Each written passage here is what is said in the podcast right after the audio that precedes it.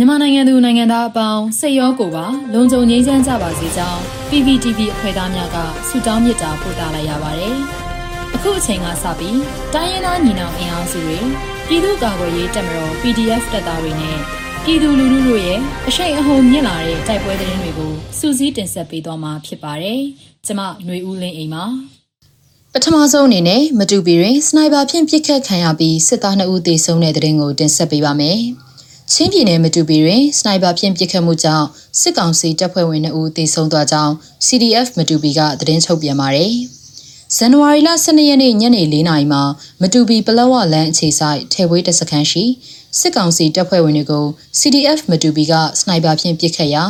စစ်သား2ဦးသေဆုံးကြောင်း CDF မတူပီကထုတ်ပြန်ထားပါတယ်။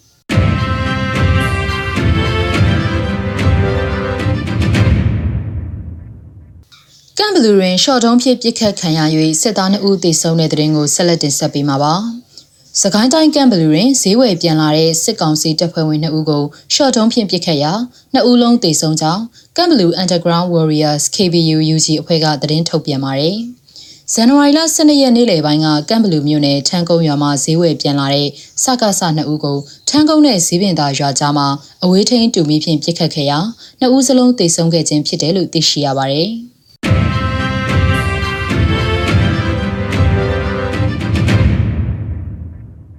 ကယားပြည်နယ်လွိုက်ကော်မှာကင်းမုံစစ်သား3ဦးတိုက်ခိုက်ခံရလို့တေဆုံးတဲ့တဲ့ရင်ကိုဆက်လက်တင်ဆက်ပေးပါမယ်။ကယားပြည်နယ်လွိုက်ကော်မြို့ဒိုးခုရက်ကွက်အချင်းထောင်ဘေးပတ်လည်တွင်ကင်းမုံချထားတဲ့အကြမ်းဖက်စစ်ကောင်စီတပ်ကိုတိုက်ခိုက်ရာစစ်ကောင်စီတပ်သား3ဦးတေဆုံးကြောင်းပြည်သူ့ကာကွယ်ရေးတပ်ဒီမော့ဆို DMO PDF ရဲ့သတင်းထုတ်ပြန်ချက်အရသိရှိရပါတယ်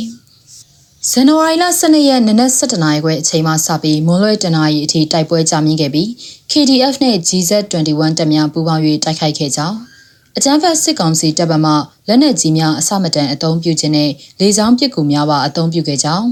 အဆိုပါတိုက်ခိုက်မှုတွင်အကြမ်းဖက်စစ်ကောင်စီဘက်မှ3ဦးခန့်သေဆုံးပြီးထိခိုက်ဒဏ်ရာအချို့ရှိခဲ့ကပြည်သူ့ကာကွယ်ရေးတပ်ဖွဲ့များထိခိုက်မှုမရှိဘဲပြန်လည်ဆုတ်ခွာနိုင်ခဲ့ကြောင်းထုတ်ပြန်ချက်မှာဖော်ပြထားပါတယ်။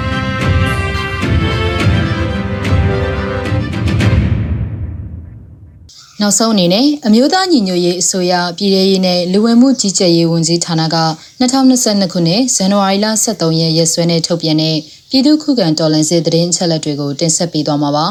။အာနာသိန်းအကြမ်းဖက်စစ်အုပ်စုရဲ့ပြည်သူလူထုအပေါ်အကြမ်းဖက်ဖိနှိပ်ဖန်ဆီးတိုက်ခိုက်တပ်ဖြတ်နေမှုတွေကိုပြည်သူလူထုတရက်လုံးကအသက်ရှင်တန်ရေးအတွက်မိမိကိုယ်ကိုမိမိခုခံကာကွယ်ပိုင်ခွင့်အရာပြည်သူခုခံစစ် People's Defensive Forum ကိုဆင်နွှဲလျက်ရှိပါတယ်။ သတင်းချက်လက်များအရ12ရက်တလ2021ရက်နေ့မှာစစ်ကောင်စီတပ်ဖွဲ့ဝင်88ဦးသေဆုံးပြီးထိခိုက်ဒဏ်ရာရရှိသူ23ဦးအထိခုခံတိုက်ခိုက်နိုင်ခဲ့ပါတယ်။စစ်အာဏာရှင်စနစ်မြန်မာပြည်ပေါ်မှာအပိတိုင်ချုပ်ငြိမ်းရေးနဲ့ Federal Democracy တည်ဆောက်ရေးအတွက်ငြင်းချမ်းစွာဆန္ဒပြတဲ့လူလူသပိတ်တိုက်ပွဲများကပြည်내နဲ့တိုင်းဒေသကြီးများမှာဖြစ်ပွားပေါ်ပေါက်လျက်ရှိပါတယ်။မြေပြင်မှာယခုတွေ့ရတဲ့သတင်းအချက်အလက်များထက်ပို၍ဖြစ်ပွားနိုင်ပါတယ်ရှင်။ Yeah, oh, oh, oh, yeah, me. Yeah, oh, oh, oh, yeah, me.